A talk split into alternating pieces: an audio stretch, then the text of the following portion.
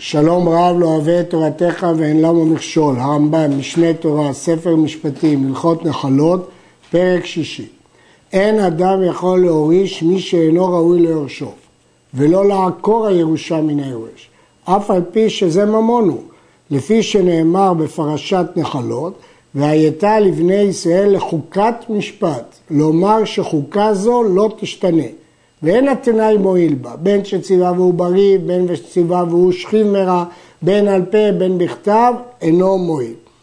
אדם לא יכול להתנות תנאים בנחלות, לא יכול לעקור נחלה, לא יכול להוסיף יורש, מפני שהיא חוקת משפט, ולא משנה אם הוא עושה את זה בעל פה או בכתב, בריא, שכיב מרע. בהמשך נראה את השיטות שזה כן יועיל. לפיכך, האומר איש פלוני בני בכורי לא ייטול פי שניים, הוא לא אמר יותר, הוא לא אמר ואחיו יזכו, זה נלמד לכמה. הוא אמר איש פלוני בני בכורי לא ייטול פי שניים, כלומר הוא רוצה להתערב בחוקי הירושה של התורה. איש פלוני בני לא יירש עם אחיו, לא אמר כלום, כי הוא מתערב בחוקי הירושה של התורה, שאומרת שהבנים יורשים ושהבכור נוטל פי שניים. איש פלוני יירשני במקום שיש לו בת. שוב, הוא מתערב בחוקי הירושה של התורה, כי החוקת משפט אומרת שהבת יורשת אם אין בנים. או שאמר ביתי תירשני במקום שיש לו בן, לא אמר כלום, כחוקת המשפט של נחלות, שבת לא יורשת במקום בנים, וכן כל כיוצא בזה. אבל אם היו לו יורשים רבים, כגון בנים רבים או בנות או אחים, ואמר כשהוא שכיב מרע, פלוני אחי יירשני מכלל אחי, או ביתי פלוני תירשני מכלל בנותיי, דבריו קיימים, בין שאמר על פה, בין שאמר בכתב. אבל אם אמר פלוני בני יירשני לבדו, אם אמר על פה, דבריו קיימים. אבל אם כתב כל נכסיו לבנו, לא עשאו אלא אפוטרופוס, כמו שבארנו. אם היו יורשים רבים, זאת מחלוקת רבי יוחנן מברוקה וחכמים, והפירוש הוא שכשיש בן בין הבנים, הוא יכול בתוך הבנים להעדיף אחד על השני. מדוע זה לא סותר את מה שלמדנו בהלכה א' או הלכה ב'? כי שם הוא אמר איש פלוני לא יירש, זה הוא לא יכול להגיד. אבל הוא יכול להגיד בני יירש, או ביתי תירש וכדומה, בין שאמר על פה, בין שאמר בכתב. אותו דבר, אם הוא אמר איש פלוני יירשני לבדו, גם כן זה יועיל. מדוע? כי הוא בין היורשים, הוא יכול לתת לו. אמנם, אם הוא כתב כל נכסיו לבנו, פה אנחנו מניחים שהוא התכוון רק לעשות אותו אפוטרופוס. אמר, פלוני בני יירש חצי נכסיי, ושאר בניי החצי, דבריו קיימים. אילו רק הוא היה אומר פלוני בני יירש, הוא לא יכול להגיד. אבל כיוון שהוא אמר ושאר בניו החצי, דבריו קיימים, כי זכותו להתערב בחלוקה בין היורשים. אבל אם אמר לבכור יירש כפשוט, או שאמר לא יירש פי שניים עם אחיו, לא אמר כלום. את הבכור הוא לא יכול לשנות. שנאמר לא יוכל לבקר את בן האהובה על פני בן השנואה הבכור, כי את הבכור בן השנואה יכיר. הוא חייב לתת לבכור פי שניים.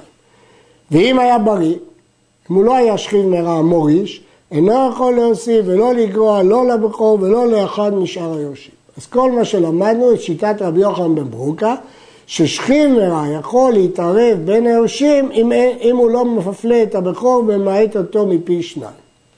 במה דברים אמורים? ושאמר בלשון ירושה, אז בריא לא יכול להתערב.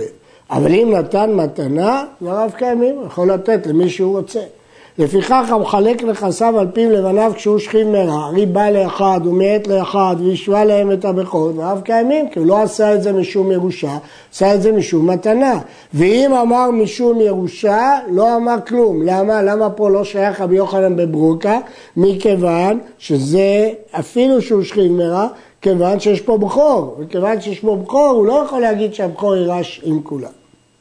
כתב בין בתחילה, בין באמצע, בין בסוף, משום מתנה, אף על פי שהזכיר לשון ירושה, דבריו קיימים. כיצד? אמר, תינתן שדה פלונית לפלוני בני ויירשנה, או אמר, יירש שדה פלונית ותינתן לו, או שאמר, יירשנה ותינתן לו ויירשנה, הואיל ויש שם לשון מתנה, אף על פי שהזכיר לשון ירושה בתחילה ובסוף, דבריו קיימים. מדוע? כי הוא הזכיר לשון מתנה. כיוון שהוא הזכיר לשון מתנה, אז אה, דבריו קיימים. אמרנו קודם, שבתוך הבנים אנחנו פוסקים כרבי יוחנן בברוקה שהוא יכול לתת לבן אחד יותר, אבל לבכור הוא לא יכול לגרוע את זכותו. החידוש הוא שדעת הרים בן מיגש, שאם יש בכור, אז כמו שצוואתו לגבי הבכור בטלה, גם כל הצוואה לגבי השאר בטלה וחוזרים לדיני ירושה רגילים של התורה. אבל בזה הרשב"א חולק, הוא אומר לו, לגבי הבכור הוא לא יכול להתערב, ולגבי השאר הוא יכול להתערב כהלכה כרבי יוחנן בן ברוק. וכן אם היו שלוש שדות לשלושה יורשים, ואמר, יירש פלוני שדה פלונית, זה לשון ירושה, ותינתן לפלוני שדה פלונית, לשון מתנה, ויירש פלוני שדה פלונית, קנו שלושתם. אף על פי שזה שאמר לו בלשון ירושה אינו זה שנתן לו חלקו במתנה, אנחנו מניחים שלשון המתנה מתייחס לכולם. והוא שלא יישה בין אמירה לאמירה כדי דיבור. אבל אם שעה, צריך שיהיה לשון המתנה מעורב בשלושתם. אם הוא לא שעה, אנחנו מייחסים את הביטוי של המתנה לשלושתם, למרות שלשניים הוא אמר בלשון ירושה. כיצד יאמר?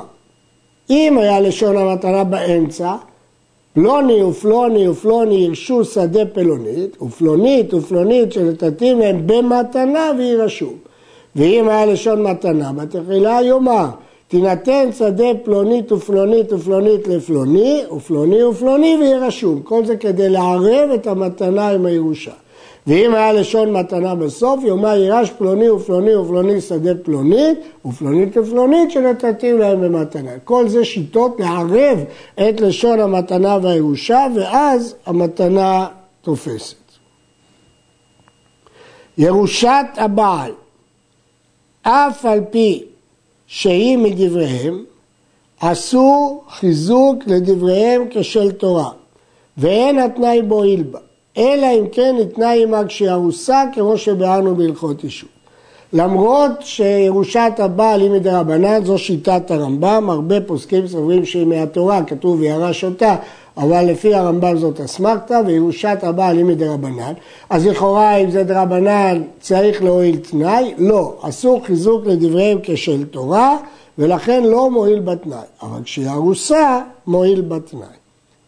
הגוי יורש את אביו מן התורה, אבל שאר ירושותיהם מניחים אותם כמנהגם. ירושת אביו יורש מהתורה, אבל שאר הירושות אין את סדר הנחלות שלנו, כי סדר הנחלות ניתן רק לישראל. והגר אינו יורש את אביו הגוי, כי הוא לא מתייחס אליו, אלא מדבריהם תקנו לו שירש כשהיה. שמא יחזור למגדו, אם הוא ידע שכשהוא היה גוי הוא היה יורש את אביו, ובגלל שהוא יתגייר הוא יפסיד את כל הירושה, הוא יחזור למגדו. ויראה לי שהתנאי מועיל בירושה זו, הואיל ואין הגוי מחויב לעמוד בתקנת חכמים. היות שזה תקנה, ולא כמו תקנת אישה שחכמים נתנו לה דין של ירושה, הגוי לא חייב לקבל את התקנה הזאת, הוא יכול לעשות תנאי שהגר לא יירש אותו. ואין הגוי יורש את אביו הגר, ולא גר יורש את הגר, לא מדברי תורה ולא מדברי סופרים. כי כל הטעם של התקנה, שהוא לא יחזור למרדו, זה שייך רק בגר שיורש גוי, אבל לא בגוי שיורש את גר ולא בגר שיורש את גר, ששם אין ירושה כלל, לא מדיני תורה ולא מדברי סופרים. יש להעיר שגר, אף על פי שיש לו בן שלידתו בקדושה, אבל המורתו לא הייתה בקדושה, הוא לא יורש. כל הנותן נכסיו לאחרים והניח את היורשים, לא רצה לתת ליורשים כלום. אף על פי שאין היורשים נוהגים בו כשורה, יש לו סיבה למה הוא עשה את זה, אין רוח חכמים נוחה ממנו. וזכו אחרים בכל מה שנתת להם. מבחינה משפטית הם זכו, אבל רוח חכמים לא נוחה שיעביר אדם את בניו מירושתם. ומידת חסידות הוא שלא יעיד אדם חסיד בצוואה שמעבירים בה ירושה מן היורש. זאת לא מידת חסידות להיות עד בצוואה כזאת. אגב, במשנה יש דעת רבש גמליאל שאם לא היו בניו נוהגים כשורה זכור לטוב, אבל הלכה לא כך. אפילו מבן שאינו נוהג כשורה, להחליף שהוא חכם ונוהג כשורה, אסור להעיד, כדי לא להעביר את הצוואה מיועדת לבנים.